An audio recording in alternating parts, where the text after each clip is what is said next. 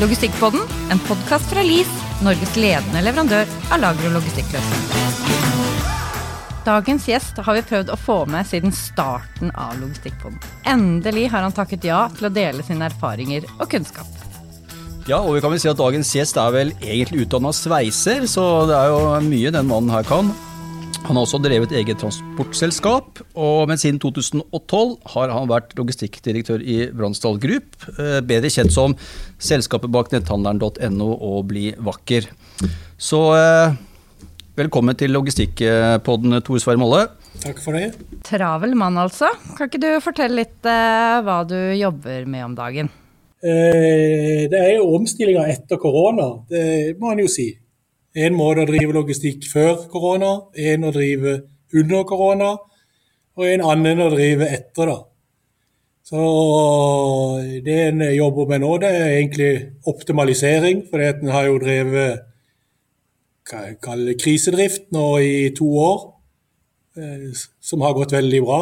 Det er hatt medarbeidere som har virkelig stått på. Jeg har tålt svingninger på totalvolumet som er over tett på 30% økning i en periode som ikke du kunne ta inn eh, mer folk. For det vi var jo kohorter, så vi gikk fra å produsere 3,5 millioner varer i året til plutselig 4,5 millioner, men da med færre folk. Så, og pluss at du skulle sitte to meter fra hverandre, legge opp alle mulige skiftløsninger. Så, så det er jo det en har hatt fokus på i to år. Samtidig så har en jo i koronatida så bygde vi, eller restaurert et lager i, i Tyskland. Så uten å være til stede så bygde vi opp 5000 kvadrat i Tyskland. Så det, det har vært eh, veldig mye fokus på det i to år, og da har du ikke fått jobba så mye med optimalisering. Man blir jo litt sånn nysgjerrig med tanke på, eh, på lageret som dere si, har nå. Kan, kan, du si litt om, eh, kan du si litt om hvordan lageret i Kristiansand er, er bygd opp? Ja, er jo bygd, visuelt så er det bygd opp som et tradisjonelt lager. Det som visuelt kan se, det er at vi har pallereoler som ikke er i full palledybde, for vi bruker det til, til bare som hyller. Men vi har funnet ut at det å ha pallereoler som er basic, så er det veldig fleksibelt hva enn vi måtte bruke, ha bruk for å lagre. da. Men det som gjør logistikken vår, er jo VMS-systemet som vi har utvikla sjøl. Så det som er virkelig er, er gøy, da får du jo ikke se. Vi har noen ting vi har det vi kaller bunnkasser, så vi plukker jo 56 ordre samtidig. Det er ikke så vanlig. Da har vi jo et, et, et VMS-system som finner de ordrene som har kortest rute i å få plukka, og setter de i en bunt. Og så kjører vi en runde og plukker de. Kan ikke du fortelle litt om omfanget her? Bli vakker, det er mange som kjenner det. Hvor mange pakker sender dere ut, og Black Friday og kaos og det, det, er jo, det, er jo, mye logistikk her. Altså på en vanlig, ja, vanlige dag så har vi per lager ca. 10 000-20 000 plukk. Det er en vanlig dag. Og så har vi en, gjerne én gang i uka så er det et salg eller litt mer, og da ligger vi fort på 30 000-40 000 plukk. Og så når du er på high season, så da er vi over 60 000 plukk om dagen per lager. Og i forhold til pakker, så når det er ikke så mye pakker, så har vi 3000-5000 pakker som går ut. Ja, så, de, så, trapper de seg opp. Så er det inn to ganger i uka du har 6000-9000 pakker. Og så kommer du i high season, der ligger du på 14 000 pakker i døgnet. Tenker du at, uh, at dere er en uh, hva skal vi si, logistikkbedrift? I forhold til det her med innkjøp, og er, er liksom logistikken i, i bunn og grunn i kjernen også i Forstår hele organisasjonen logistikken? Altså fra toppen til bunns, forstår de at logistikk, uten logistikk så er det helt håpløst? Ja, men vi liker vel egentlig å se at vi, vi ønsker å spille hverandre gode. så det er jo ikke Den ene er ikke mer verdt enn den andre, men vi er, vi er likeverdige og har en stor plass i det. da. Ja, vi har en stor plass. Vi, vi Salg de prognostiserer hver eneste dag så har vi eh, indikasjoner på hva de forventer hver butikk skal selge. Og Den oppdateres hver uke. Og Det er ukentlige møter som vi igjen bemanner og legger opp produksjonen på bakgrunn av. Og Det er jo det vesentlige for oss, for uten den dataen så, så blir det vanskelig å, å, å planlegge. da. Så, så, må vi på logistikken ha oversikt på hva, hva er produksjonskapasiteten. Vi må bygge systemer og, og, som, som, gjør at vi klarer svingninger. Både i forhold til volumer og i forhold til uforutsette hendelser. Når vi snakka med Kai fra Prinsessgruppen, du veit jo hvem han er du, så pleier han å si at eh, god logistikk starter i Kina, eller med leverandørene. Eh, hvordan jobber dere med deres leverandører i forhold til eh, logistikken? Vi er ikke så avhengig av det. Vi jobber, jobber jo selvfølgelig med å få For å ha kort ledetid på alt sammen, så må du selvfølgelig ha gode leveringsvilkår. Men vi kommer jo fra, fra tidligere så har jo vi drevet med parallellimport. Ergo så visste du jo aldri hva du fikk. Du sendte en bestilling, men hva du fikk kunne jo være noe helt annet. Så vi har jo måttet jobbe med å ha rutiner in-house som håndterer alle mulige rare scenarioer. Så at vi, vi eksempel så har vi vært mye mer utsatt for at folk tror vi har falske varer. Så at det å kontrollere og se til at våre varer er ikke er gått ut på dato, har jo vært en stor jobb. da. Og Det har vært vanskelig innenfor kosmetikken, for det der er det ingen, før da, så var det ingen offisielle eh, kilder for oss å finne altså en batch-kode, når er den produsert. Så der måtte vi hele tida drive oss og slå opp i, i uoffisielle sider for å prøve oss å finne at dette er ferske varer, og, og legge dette inn i systemet. Så, så, vi begynte veldig tidlig da, logge veldig mye ting på våre varer. Nå har vi så godt som ingenting parallellimport, og vi har gått over til direkte. Eh, akkurat i taktskiftet så er det jo ganske interessant, da, for vi fant jo ut at med å få direkte, så fikk vi faktisk eldre varer enn vi fikk parallelt i begynnelsen. Så, så det er jo mange som har syntes har vært litt komisk, da. Men, men det, det, igjen er jo at det har veldig mye data lagra i systemene. og, og den, På den måten så kan du gjøre logistikkplanlegging. Logistikkplanlegging noe er jo selvfølgelig å få varer ut så fort som mulig til kunden. Men det er jo også varer som blir tilført, så er det ikke alltid den nyeste varen du har fått, er den som er ferskest. Så alle de tingene er jo lagt inn i våre systemer. sånn at hvis vi da får inn en vare, når vi får en varepåfylling, så er den faktisk eh, litt eldre enn den som vi har fra før av.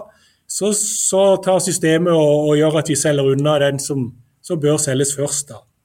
På grunn av at vi har data. Da snakker vi masterdata. Ja. Har du kontroll på masterdataen da, Tor? Jeg tror vi har god kontroll, men vi ønsker alltid mer. Ja, det er uh, alltid litt sånn utfordrende, det der. Det er litt sånn, Tor, tilbake til uh, dette med nett, netthandel.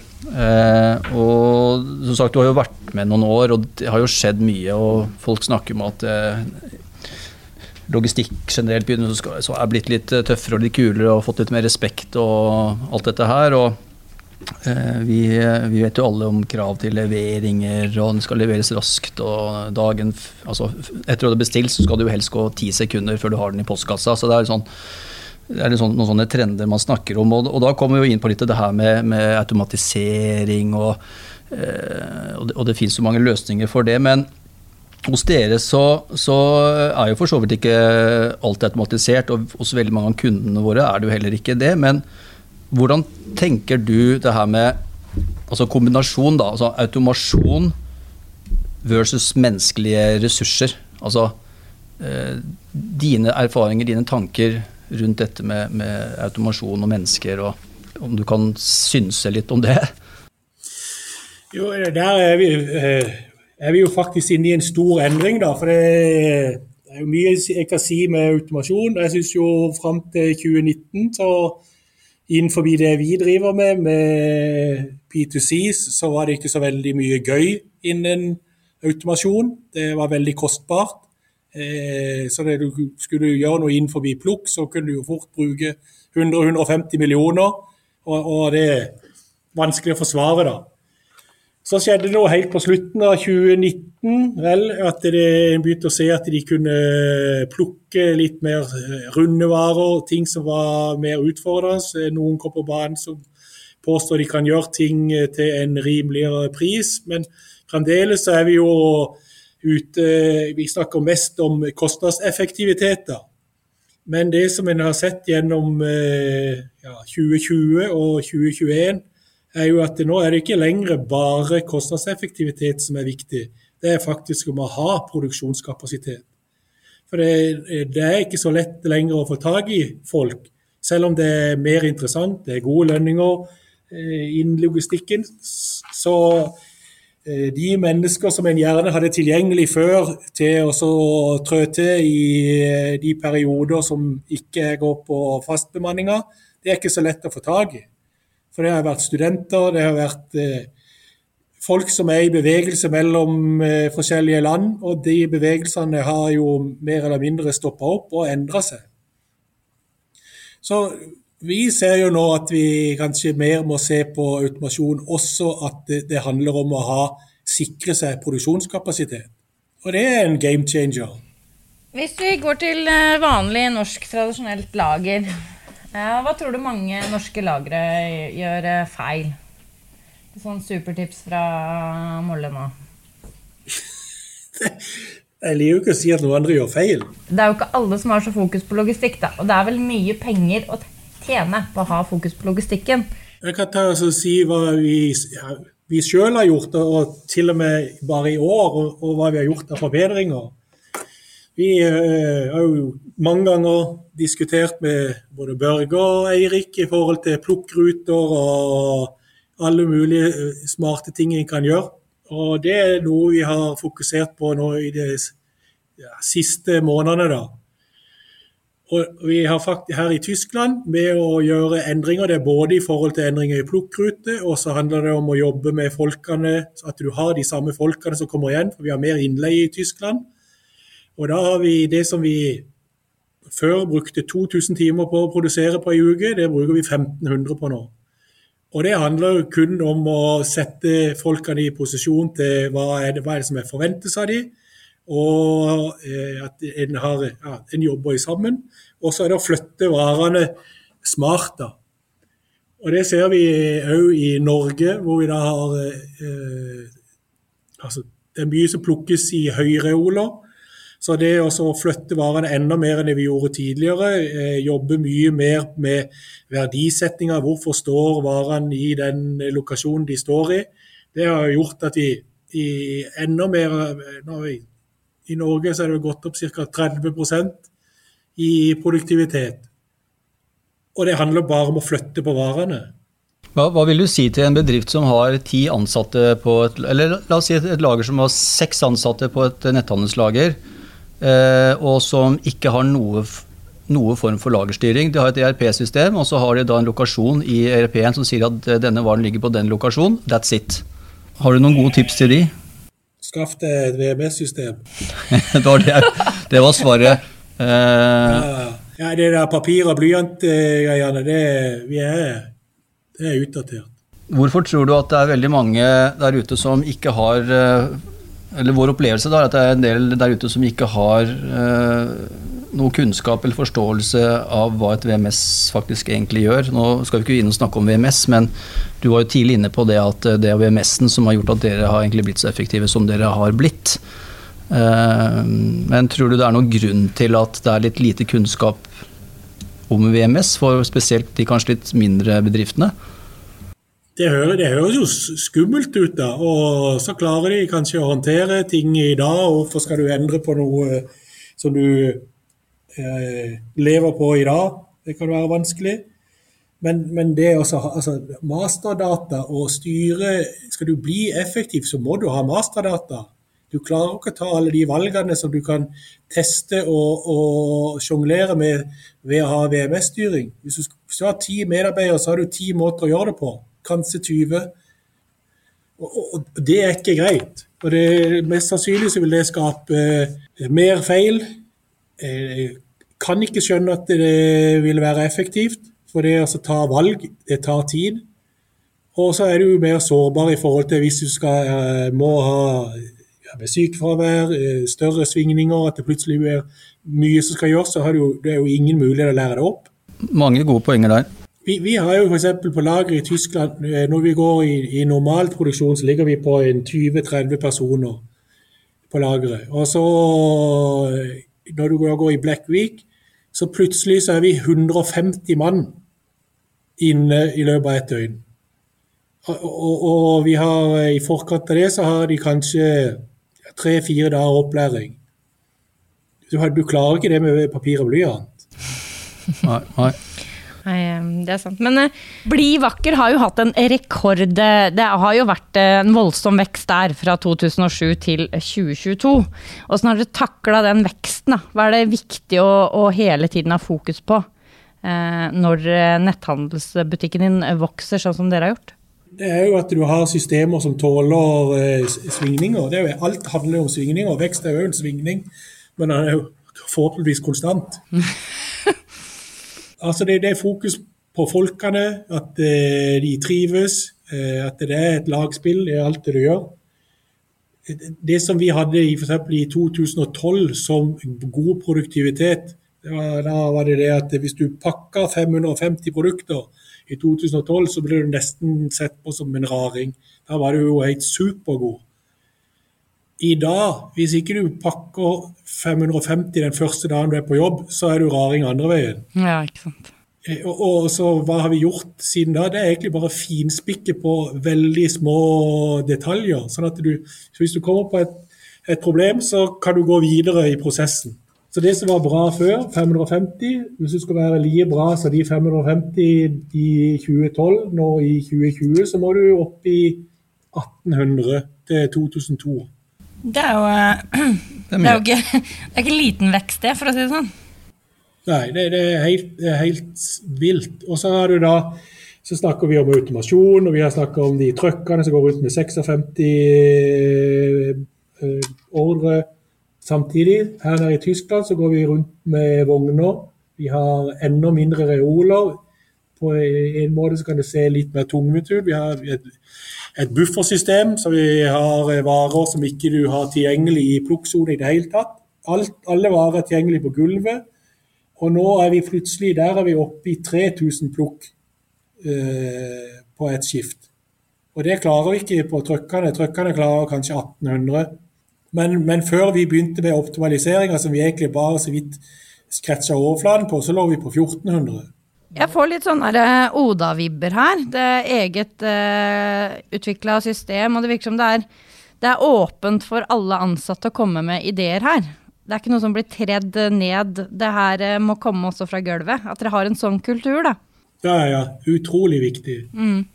Men hva, hva, tenker du om eh, altså vi har, vi har, jo en del eh, lyttere som også da er inne inn dette med netthandel og sånn. Men eh, i forhold til 3PL, Tor, Uh, hopper jo litt der, men i forhold til det her med å Det kommer litt an på størrelse, selvfølgelig, men en, en relativt liten netthandel. Tenker du 3PL, altså sette bort lagerdriften, er fornuftig, eller tenker du at det å holde på det er viktig? Eh, eller har du noen synsinger rundt det? Vi vi starta jo den eh, utenlandsdelen starta vi med 3PL-løsninger. og, og eh, syns jo egentlig det var litt komplisert, men det er jo fordi at vi driver med det sjøl, da. Men vi, vi hadde Coco Panda som starta i 2012. Det var jo på 3PL-løsning fram til 2015. Så gikk jo de plutselig konkurs. Altså 3PL-løsninga eh, gikk konkurs. Og da var det jo eh, heldigvis at vi satt på våre egne systemer, og at 3PL-en eh, òg hadde måttet kjøre på våre lagersystemer. For da hadde vi jo ja, vi bygde opp et nytt lager på halvannen måned. Takket være god levering av Liss og Eirik og gjengen. Så, så det, det, du kan jo komme i uante situasjoner den veien, men selvfølgelig det har skjedd mye innen 3PL siden den gang. Men å være stor med 3PL, det har jeg ikke så mye tro på. Men jeg jeg syns det er spennende med det som Bring holder på med, med et fremskutt lager. Eh, det, og Grunnen til at det nå er spennende, det er at når vi har jobbet, vi jobber jo litt med automasjon. Og Når vi ser på automasjon, så tenker vi delautomasjon. Og da, da får en en ny kjennskap i forhold til at det, selv om vi ikke har altså, det, er, det er ingen vits å sende én varelinje til Stockholm for at vi tror at bare kunden skal ha den. Men det ved å jobbe med automasjon og delautomasjon, så får en mer kunnskap i forhold til å finne hvilke varelinjer kan være sammen for å løse flest mulig ordre. Og de kan være fremskutt. For du kan fort se at det med 50-80 varelinjer i stedet for de 20 000 som du har, så kan det være en mulighet for 3PL-løsning eh, på de. Det, det er noe vi vurderer, da. Ja, så Kombinasjon går jo fint. altså Du både har eget lager, deler av 3PL osv. At eh, det er en miks der. Ja, så, så har du de, det blir jo de varene som er mest rotasjon på. Da, da, da har du jo mindre transport egentlig på de varene mest rotasjon på. og De kjører du til et fremskutt lager. Da er, og da, om det fremskutte lager da er en 3PL-løsning, og om de skulle ha utfordringer, så har du allikevel støtte i ditt eget lager. Så at du da plutselig, i stedet for å være sårbar, så blir du jo dobbelt så sterk og i tillegg raskere. Mm. Men, men, men, den døra var jo fullstendig stengt ja, i 2015. Da tenkte en jo bare no more 3PL. men, men, nå er det spennende igjen, men på en annen måte. Ja, Viktig å være åpen vet du, og lære. vet du. Det er kompetanse hele livet. Og jeg tenkte Vi blir 70 år og all den logistikkompetansen man sitter med da. Logistikkpod-episoden 1051. Ja, ja, men det som vi jobber mer med nå, da, det er, altså vi snakker litt om masterdata, men det vi ansetter nå, det er rett og slett eh, mer tallknusere, altså analytikere. Så Det gjør vi i forhold til det du spør om. Har du kontroll på varene dine inn, har du kontroll på varene ut? Og vi har veldig mye masterdata, så at nå Nylig har vi ansatt én person til forhold til det, og vi kommer nok til å ansette flere til å hjelpe oss til å bruke den dataen til å gjøre smartere valg. Mm. En annen ting jeg har lyst til å spørre om òg, er også som dukker alltid opp spesielt i netthandel og selvfølgelig litt mer for eller spesielle bransjer, da, retur. Eh, jeg vet ikke om, hvordan dere sliter på retur, men har du noen synsinger rundt eh, dette med varer som kommer i retur? hva man skal gjøre, eller hva gjør dere? For oss, selv om vi eh, har ja, 3,5 millioner ordre i året, så for å håndtere 3,5 millioner ordre og returen på det, så har vi ja, 0,8 årsverk. 0,4 i Tyskland og 0,4 i Norge. Så jeg tror nok vi har lite retur i forhold til mange andre. Og, men det vi har av retur, så har vi ja, enkle systemer som gjør at vi fort kan håndtere det og fort få det tilgjengelig for salg igjen. Og det er igjen VMS-system. Ikke sant. Ja. Hva er planene framover, da? Nå sitter du i Tyskland. Eh, jeg ser på LinkedIn at eh, Bransdal himself er i United States of America. Er du liksom eh, lagersjef i Washington om et par år, eller hva, hvilke planer har dere? Hva skal dere erobre? Nei, nå, nå satser vi jo hardt i Norden. Nå åpna vi i for noen dager siden det åpna vi butikk i, på Sørlandssenteret, så det var jo butikk nummer to. Mm. Så det, det er jo at det blir flere fysiske butikker, det er jo spennende. Det, det, er jo i forhold til logistikken. Så er jo det blir spennende å blande ja, Det blir jo B2B og B2C-produksjon den, den, den syns jeg kan være utfordrende. Og det, det, er nok i den retninga. Vi skal styrke oss i Norden, og det blir nok flere butikker. Er det sånn at dere må ha Veldig på siden, det er sikkert sånn eh, eget spørsmål. Men eh, er det sånn at dere må ha butikker for å få inn noen av produktene? Stemmer det? Ja, det var jo sånn vi egentlig åpna butikk. Ja. Og så da tenkte vi at eh, ja, hvis vi var heldige, så kunne vi drive den butikken i null. Mm. Vi hadde ikke så veldig tro på at det skulle gå til. Men når vi skulle lage en butikk, så ville vi lage en fet butikk, og vi, det gjorde vi. Og den er jo veldig digitalisert, og den, jo prisene i butikken er jo styrt fra nettet. Så at det, alle pristaggene henger, altså endrer eh, salg på nettet prisene, så går det bare noen sekunder, så endrer prisene seg på, i hylla i butikken. Så det, det, var jo veldig tøft den gangen vi, vi åpna butikken. da.